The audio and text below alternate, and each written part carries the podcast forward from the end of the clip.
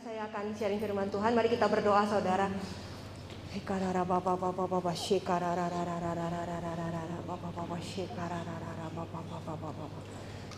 Tuhan terima kasih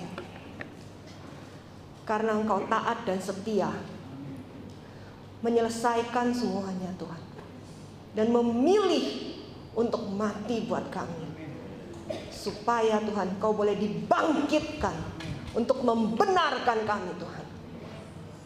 Bapak terima kasih untuk cara yang kau kerjakan di tengah-tengah kami yang ajaib Tuhan. Bagaimana kau bangkit buat kami, kau merubah kehidupan kami Tuhan. Tuhan hari ini Tuhan kami mau sharing firmanmu di tempat ini. Berkuasa atas firmanmu Tuhan. Kerja di tengah-tengah kami. Terima kasih Bapak. Di dalam nama Tuhan Yesus biar kuasa kebangkitan Kristus tertanam dan bekerja di tengah-tengah umatmu ini. Di dalam nama Tuhan Yesus. Semua saudara percaya katakan? Amin. Amin. Oke, uh, saudara saya akan buka dengan Roma 4. Roma 4 ayat 25.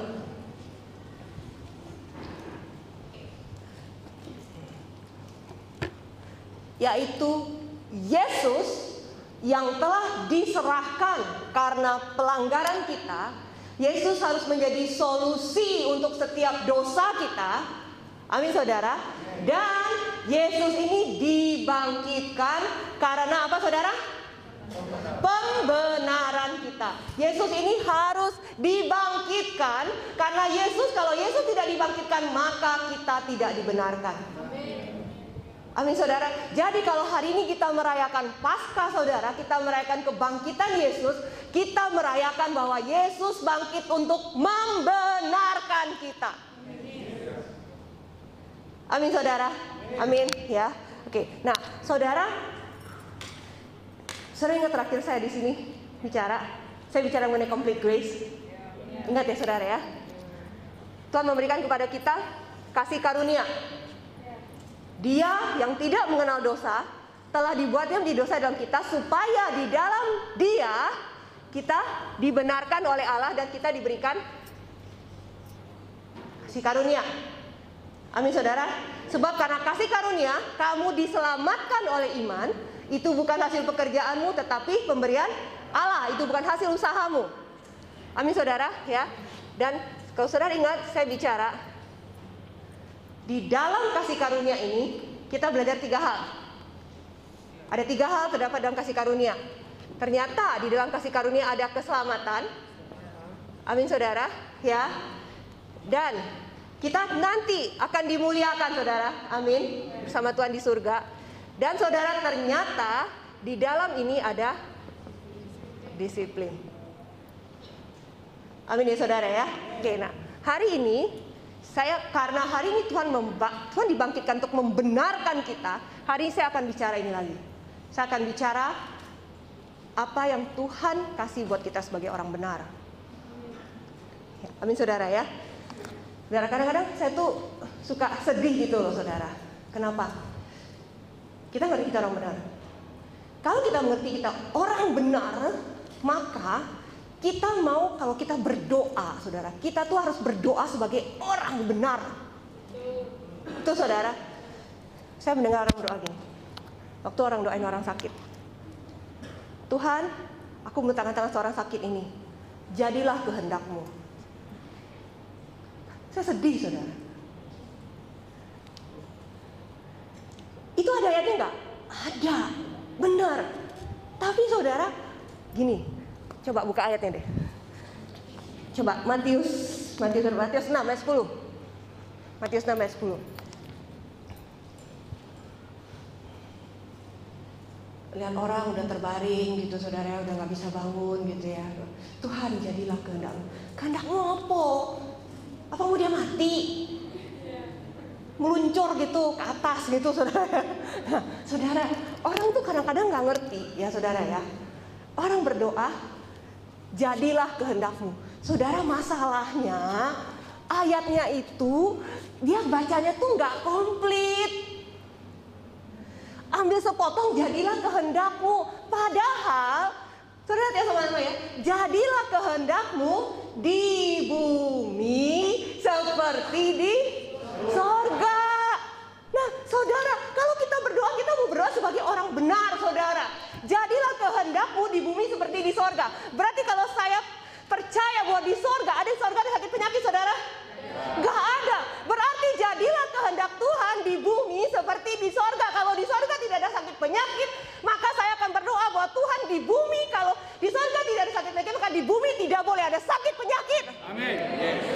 Amin. Amin saudara, kalau di sorga tidak ada kebangkrutan, maka di bumi tidak boleh ada kebangkrutan untuk anak Tuhan.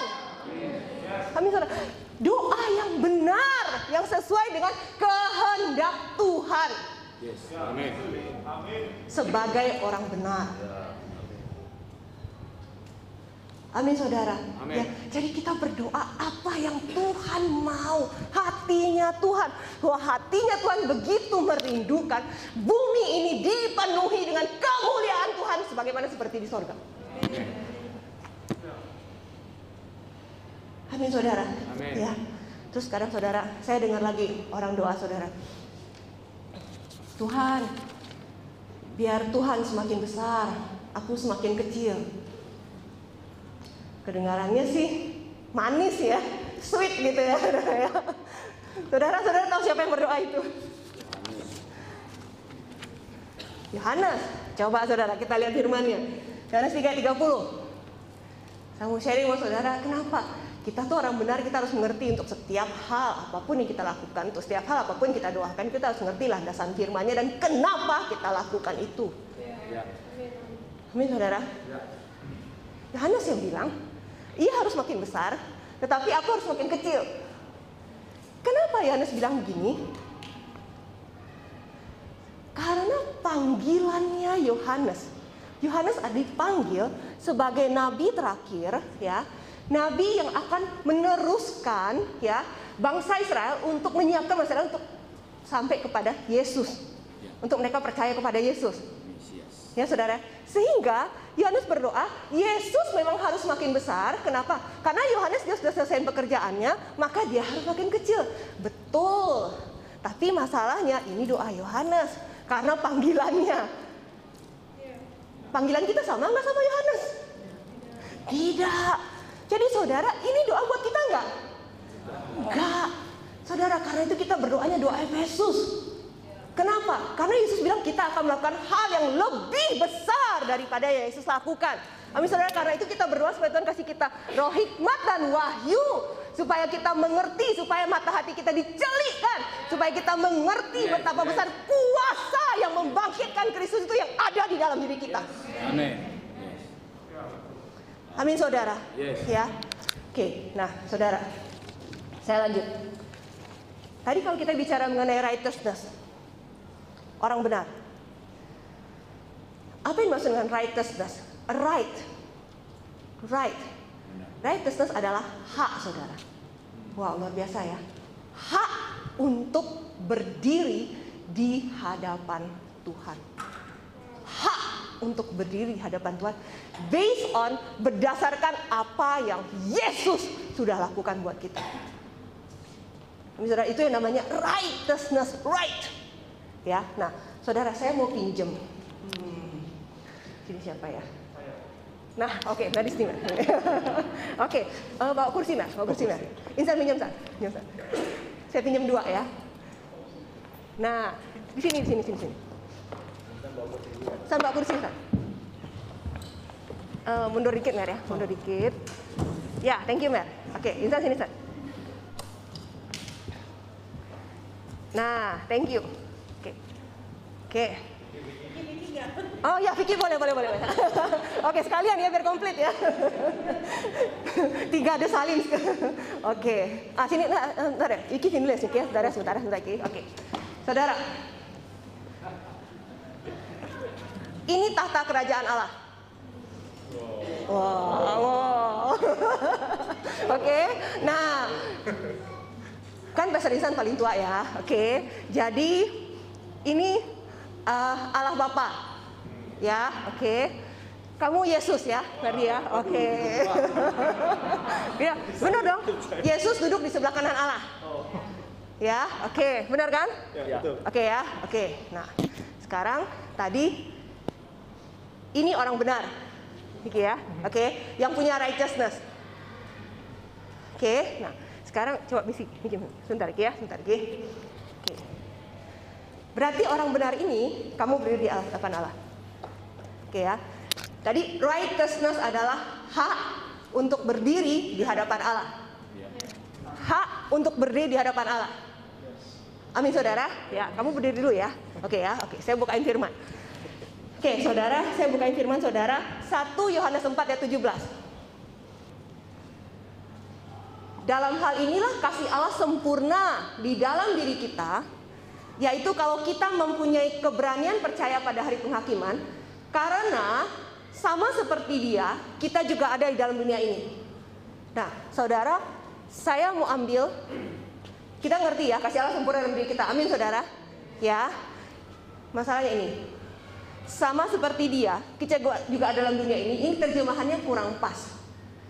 Because as he is, so are we in this world. As he is, so are we in this world. Sebagaimana Kristus, demikian juga saya di atas muka bumi ini. Saya ulang ya saudara ya. Sebagaimana Kristus, demikian juga saya di atas muka bumi ini. Setuju nggak saudara? Benar nggak? As he is, sebagaimana dia, demikian juga saya di atas muka bumi ini. Setuju ya? Amin. Oke, sekarang ini orang benar. Dia berdiri di hadapan Allah Bapa. Sebagaimana Kristus, demikian juga dia berdiri di hadapan Allah Bapa. Oke, sebagaimana Kristus. Saya mau tanya, di sini kita punya Kristus. Kristus ini layak nggak diberkati? Layak nggak diberkati? Layak. Kristus ini layak nggak mendapat kasih karunia Allah? Layak. Dia sudah menyelesaikan semua. Tetelestai, it is finished. Mereka saudara kan? Kristus ini layak nggak mendapat kemenangan? Layak, amin saudara? Amin. Sekarang, as he is, so are we. Kristus layak diberkati? Apakah dia layak diberkati? Amin. Kristus layak mendapat kasih karunia? Dia layak? Kristus layak mendapatkan kemenangan? Kita semua dan dia, kita layak nggak saudara mendapat kemenangan? Amin saudara. Amin. Tepuk tangan untuk Tuhan apa yang Tuhan berikan buat kita semua saudara. Amin saudara. As he is, so are we in this world. Amin saudara. Ini yang Tuhan kasih buat kita. Saya lanjut saudara ya. Oke, Vicky ambil kursi. Ya. Sekarang saudara, kita lihat ayatnya.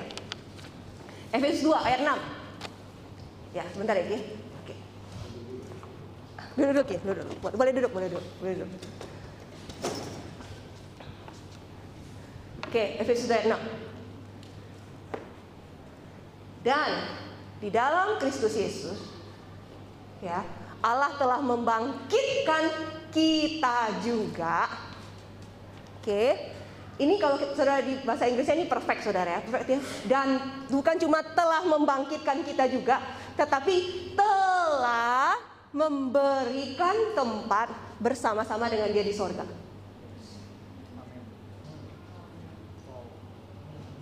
Coba saya bukain bahasa Inggrisnya, coba. oh, ini kurang tep. Ya, oke betul. Have raised. Telah. Saudara lihat? Telah. Telah. Oke, Saudara. Berarti sudah nggak? Sudah. Berarti tempat kita di mana? Sudah dibangkitkan dan sudah membuat kita apa? Dan has made us sit together. Sudah mendudukkan kita di mana? Together in heavenly place.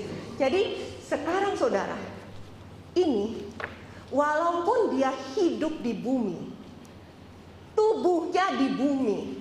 Tetapi sebenarnya secara spirit, kau bangun Ki. Amin, amin. Saudara lihat. Karena apa? Firman Tuhan yang bilang, dia telah dibangkitkan bersama-sama dan dibuat duduk bersama siapa? Saudara lihat, ayat ini cocok nggak? Amin saudara. Tahukah saudara ini kondisi buat kita semua? Kita telah dibangkitkan bersama dengan Kristus dan telah diberi tempat bersama dengan Dia di surga. Walaupun kenyataannya kita hidup di bumi. Amin saudara. Sekarang kita sedang baca firman ya. Kita lihat. Waktu Raja Salomo, waktu dia naik tahta, semua raja-raja di sekitar dia takut nggak? Tunduk. Benar gak? Kasih upeti. Benar kan saudara? Saudara baca ya. Kenapa? Karena waktu seorang raja berkuasa, maka musuh-musuhnya tunduk di bawah kakinya. Amin saudara. Ya. Amin saudara. Saya mau tanya. Buat kita hidup di bumi ini. Selain iblis, musuh-musuh kita apa?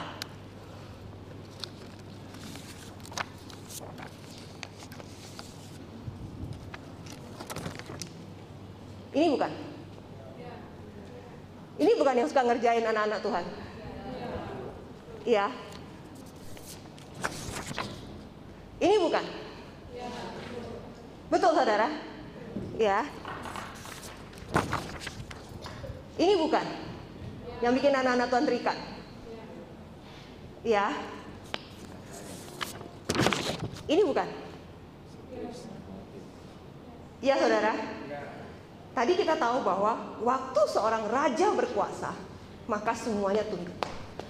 Waktu Yesus berkuasa, iblis tunduk di bawah kaki Yesus. Karena itu saudara tadi mendengar kesaksian iblis atau iblis dalam nama Yesus. Sekarang, waktu seorang anak Tuhan, dia duduk dan berkuasa. Apa yang terjadi saudara? Bagaimana dengan dosanya? Dosanya harus tunduk di bawah kakinya. Injaki. Saudara, terjadi saudara buat kita anak Tuhan saudara. Dosa kita harus tunduk di bawah kaki kita. Dosa itu tidak bisa lagi menguasai kita. Amin saudara. Ya, sakit penyakit tidak lagi menguasai kita. Sakit penyakit harus tunduk waktu kita bilang dalam nama Yesus, maka sakit penyakit itu harus tunduk di bawah kaki kita. Amin saudara.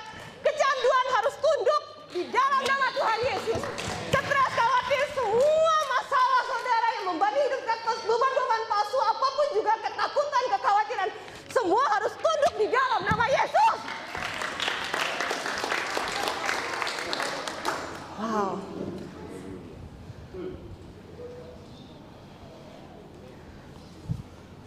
Ini yang Yesus lakukan buat kita. Karena dia dibangkitkan. Amin saudara. Saudara saya kepingin saudara confess bersama dengan saya. Tuhan, terima kasih. Karena aku adalah orang benar. Aku sudah dibenarkan dan dibayar dengan darah Yesus. Sebagaimana Kristus. Demikian juga aku di dalam dunia ini. Kalau Kristus layak diberkati, maka aku layak diberkati. Kalau Kristus layak mendapat kasih karunia Tuhan, maka aku layak mendapat kasih karunia Tuhan. Kalau Kristus layak mendapat kemenangan, maka aku layak mendapat kemenangan. Dosa, sakit penyakit, ikatan apa pun, tunduk di bawah kakiku di dalam nama Tuhan Yesus. Amin, saudara.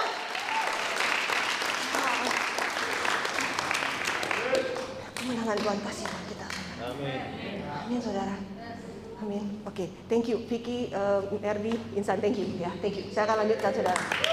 Salam buat mereka saudara.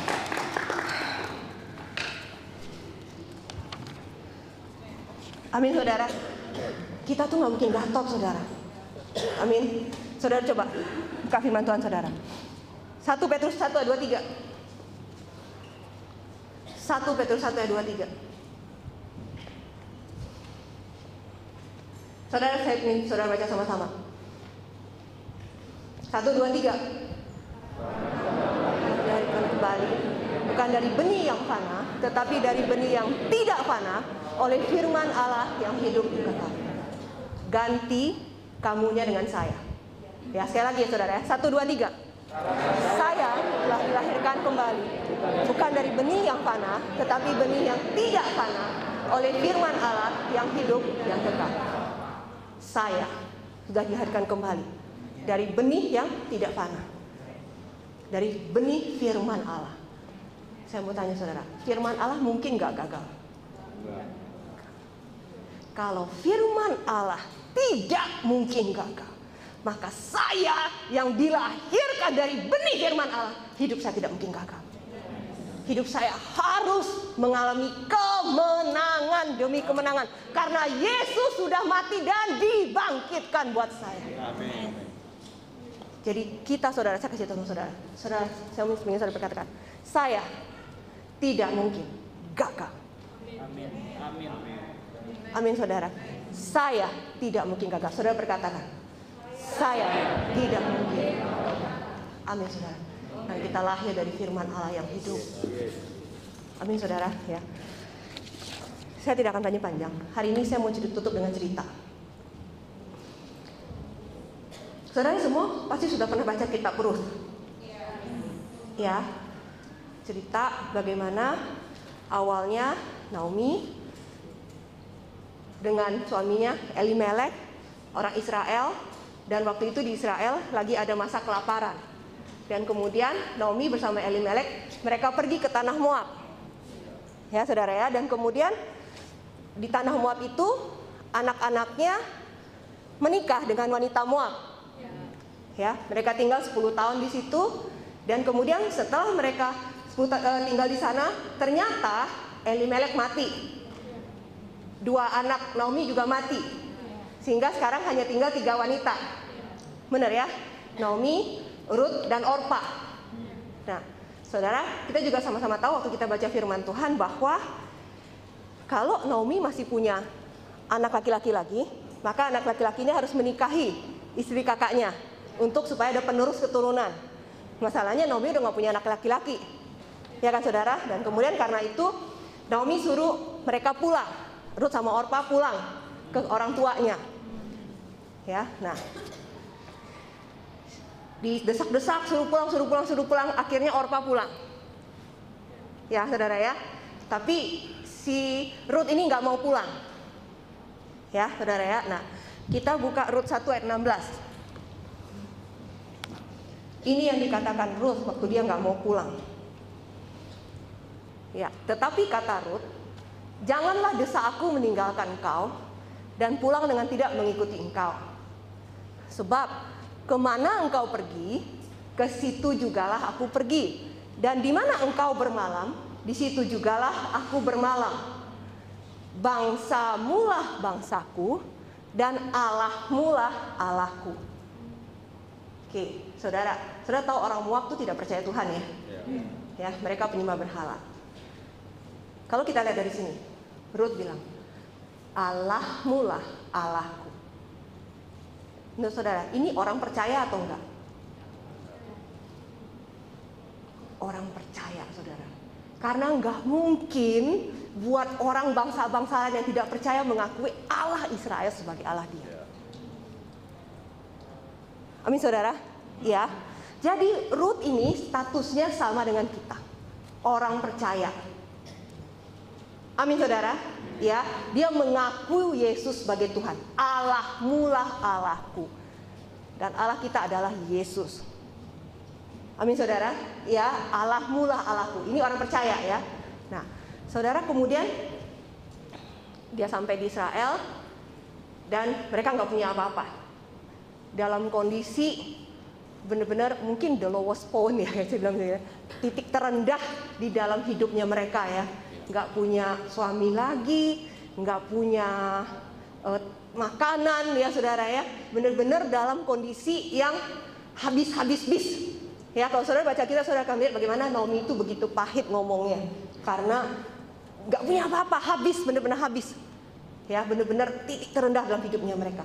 Dan kemudian Ruth mengambil inisiatif, saya harus kerja. Dia dong, nggak mungkin dong dia suruh mamanya yang mertuanya yang udah tua kerja kan, saudara ya. Nah, kemudian waktu Ruth kerja, ya, saudara, kita buka Ruth 2 ayat 2. ya, ini saya baca bahasa Indonesia, tapi saya mau minta bahasa Inggrisnya ya.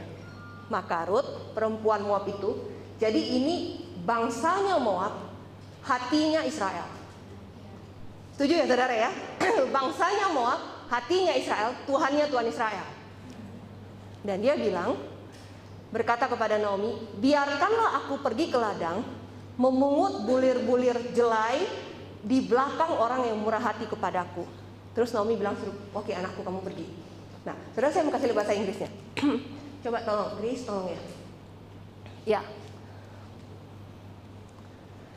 And Ruth, the Moabites, said unto Naomi, Let me now go to the field and glean ears of corn. Ini ini ya gandum ya saudara ya. After him, nah ini saudara, ini terjemahannya agak beda. Tadi bahasa Indonesia-nya di belakang orang yang murah hati ya. Nah bahasa Indonesia-nya itu kurang pas loh saudara. Kami kita lihat bahasa Inggrisnya, lihat ya. After him, ya, in whose sight I shall find grace di, sampai saya ketemu sama orang yang di mata orang itu saya boleh beroleh kasih karunia.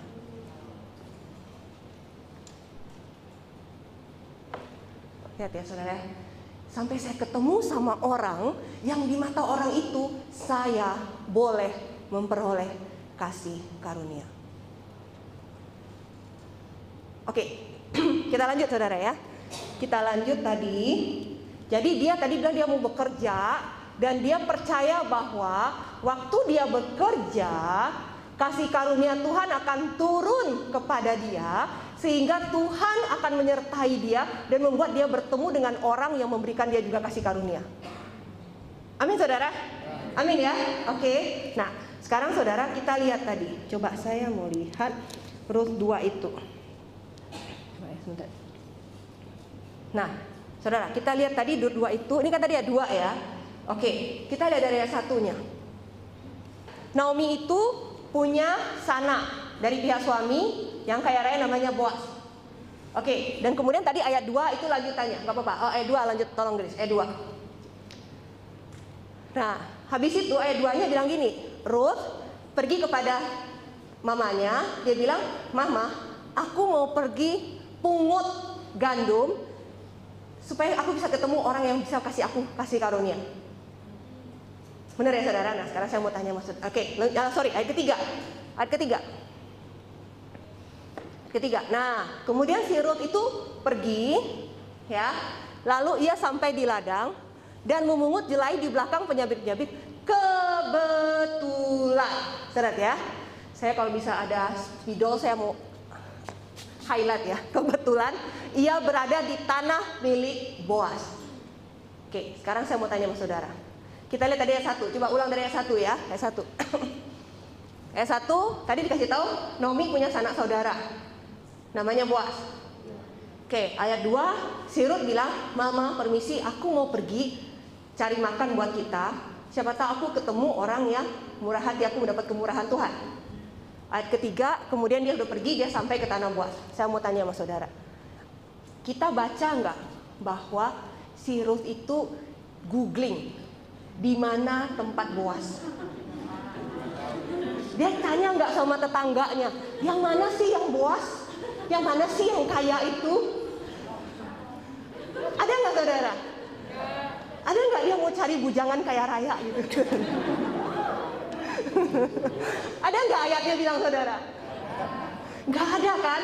Atau dia gini, oh itu tanahnya, ya udah dia pasang Google Map terus dia jalan ke sana gitu saudara. Gak ada kan saudara? Gak ada kan?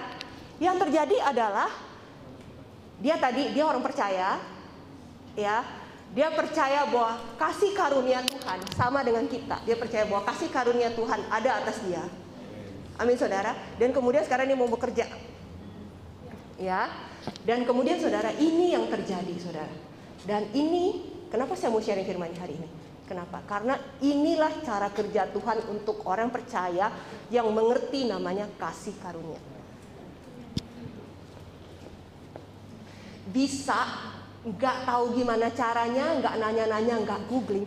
Kebetulan ia berada di tempat Boas. Bahasa Inggrisnya pakai katanya have. Have saudara, maksudnya apa? Itu katanya kalau kita pakai happen ya, have. Have itu maksudnya apa? At the right time. At the right place. Gak tahu gimana Tuhan bikin pada waktu yang tepat, pada tempat yang tepat, Tuhan bikin berkat anugerah kemurahan itu turun atas orang ini. Ini yang terjadi sama Ruth dan saudara. Saudara enggak? Kebetulan. Saudara, ini yang kita terima. Waktu kita menerima kasih karunia Tuhan, saudara. Maka saudara, tuh dan kita percaya. Amin saudara, ya. As he is, so are we in this world. Saudara, sebagaimana Kristus, kalau Kristus patut mendapatkan kasih karunia, demikian juga saya. Amin saudara. Dan saya percaya itu, maka saudara kebetulan itu itu adalah bagian dari setiap kita. Amin saudara. Amin. Tuhan bisa bikin saudara kasih karunia Tuhan turun dan turun dan turun dan turun dalam setiap hari yang kita lalui. Hmm, ya.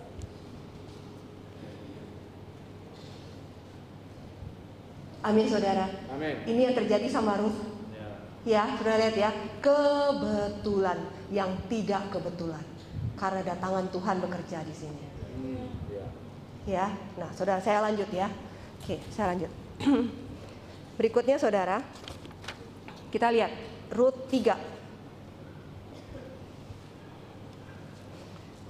Ruth 3 singkat cerita Ya, singkat cerita Naomi bilang sama menantunya Ruth Ruth, kamu ini sekarang dulu kerja di tempat Boas kamu pergilah ke Boas. Hari ini dia sedang menyirik di sana. Kamu bicara kepada dia, bermohon kepada dia. Siapa tahu dia mau mengembangkan sayapnya untuk menebus kita.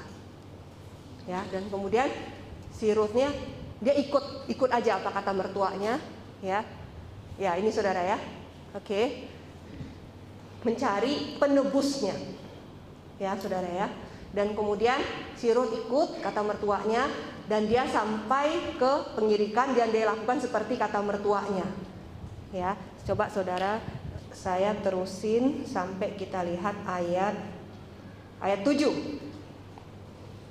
Ya, setelah Boas habis makan dan minum dan hatinya gembira, datanglah ia untuk membaringkan diri tidur pada ujung timbunan jelai itu. Kemudian Datanglah perempuan itu dekat dengan diam-diam, disingkapkannya lah selimut dan dari kaki Boas dan berbaringlah ia di situ. Berbaring. Oke, saudara ya. Saya state berbaring. Kemudian saudara lanjut. lanjut cerita ya, singkat cerita. Malam-malam Boas terbangun dan dia kaget. Ada wanita di kakinya dia. Ya, Kemudian ayat 9. Ruth bilang, "Kembangkanlah kiranya sayapmu melindungi hambamu ini, sebab engkaulah seorang kaum yang wajib menebus kami." Oke, Saudara. Dan kemudian Saudara seperti kita tahu berikutnya ayat 11.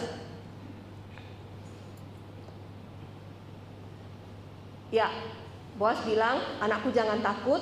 Lihat ya, segala yang kau katakan itu akan kulakukan kepadamu. Sudah lihat ya? Oke, akan kulakukan kepadamu. Amin saudara, ya. Oke, nah sebentar saya mau ayat. Oke, saudara, dan kita sama-sama tahu ceritanya bahwa ada seorang lagi yang yang yang lebih wajib untuk menebus mereka. Ya, coba ayat berikutnya lagi. Nah, maka sekarang memang aku seorang kaum yang wajib menebus, tetapi walaupun ini ada satu orang lagi penebus yang lebih dekat daripadaku. Ya, dan kemudian next. Tinggallah di sini malam ini dan besok pagi. Jika ia mau menebus engkau, baik, biarlah ia menebus engkau. Tapi jika ia tidak suka menebus engkau, maka akulah yang akan menebus engkau demi Tuhan yang hidup. Oke, berbaring sajalah, tidur sampai pagi. Saudara, dua kali kita lihat kata berbaring. Ya, saudara, berbaring, sleep, rest. Saudara setuju? Ya, berbaring, sleep, rest. Saudara, dan kemudian kita tahu besoknya ceritanya apa yang terjadi? Boas datang ke pintu gerbang. Dia ketemu sama tadi orang yang wajib menebus. Dia tawarin, tapi orang itu bilang saya nggak sanggup. Dan kemudian Boas bilang apa? Saya yang akan menebus. Mereka saudara, saya mau kasih tahu saudara, saya akan tunggu ini. Waktu Ruth dia berbaring, dia rest. Saudara, Boas sebagai redeemer, penebusnya. Ya, saudara, Boas itu sini adalah gambaran Yesus, saudara, redeemer, penebus. Boas yang adalah redeemer, penebusnya. Redeemernya turun tangan dan melengkapi kasih karunia yang sudah Tuhan berikan buat terus. Saudara lihat nggak? Saudara lihat nggak? Oke, saudara bisa lihat Ruth berbaring. Ya, waktu dia berbaring, dia cuma bermohon kan? Saudara kan, dia cuma bermohon kan? Tapi saudara, apa yang terjadi? Redeemernya turun tangan. Amin saudara, itulah yang Tuhan lakukan buat kita. Iya. Saudara, saya mau kasih tahu sama saudara untuk begini. Waktu kita rest, saudara, ya, maka Tuhan mengkomplitkan anugerah yang Tuhan sudah mulai dalam diri kita. Apa yang dimaksud dengan rest, saudara? Rest adalah waktu kita duduk di kaki Tuhan. Waktu kita teriak sama Tuhan.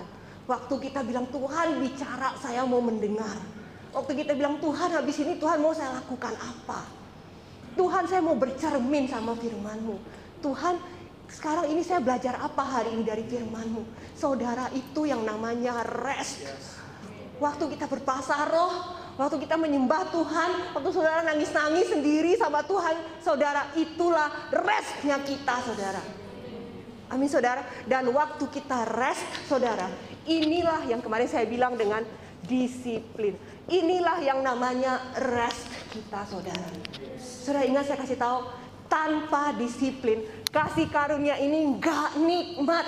Tidak bisa kita nikmati tanpa rest. Ruth sudah sampai ke tempatnya Boas, tetapi kasih karunianya tidak komplit.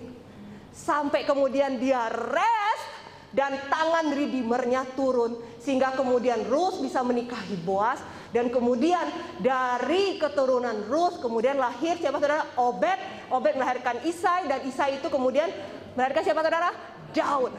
Dari orang yang mengerti kasih karunia. Amin saudara. Dan dia mengerti bahwa apa yang Tuhan kasih buat dia. Dan orang ini mengerti apa yang namanya rest. Saudara lihat apa yang Tuhan kerjakan. Dia mengalami hidup yang diberkati. Hidup yang berkemenangan Amin. Amin. saudara ini saya mau sharing sama saudara hari ini kalau hari ini kita sama-sama mengerti bahwa Yesus mati untuk pelanggaran kita. Dan Yesus dibangkitkan untuk membenarkan kita, saudara. Saya mau kasih tahu, Yesus bangkit bukan cuma untuk membenarkan kita, tetapi Yesus bangkit untuk memberikan kepada kita kemenangan ¡A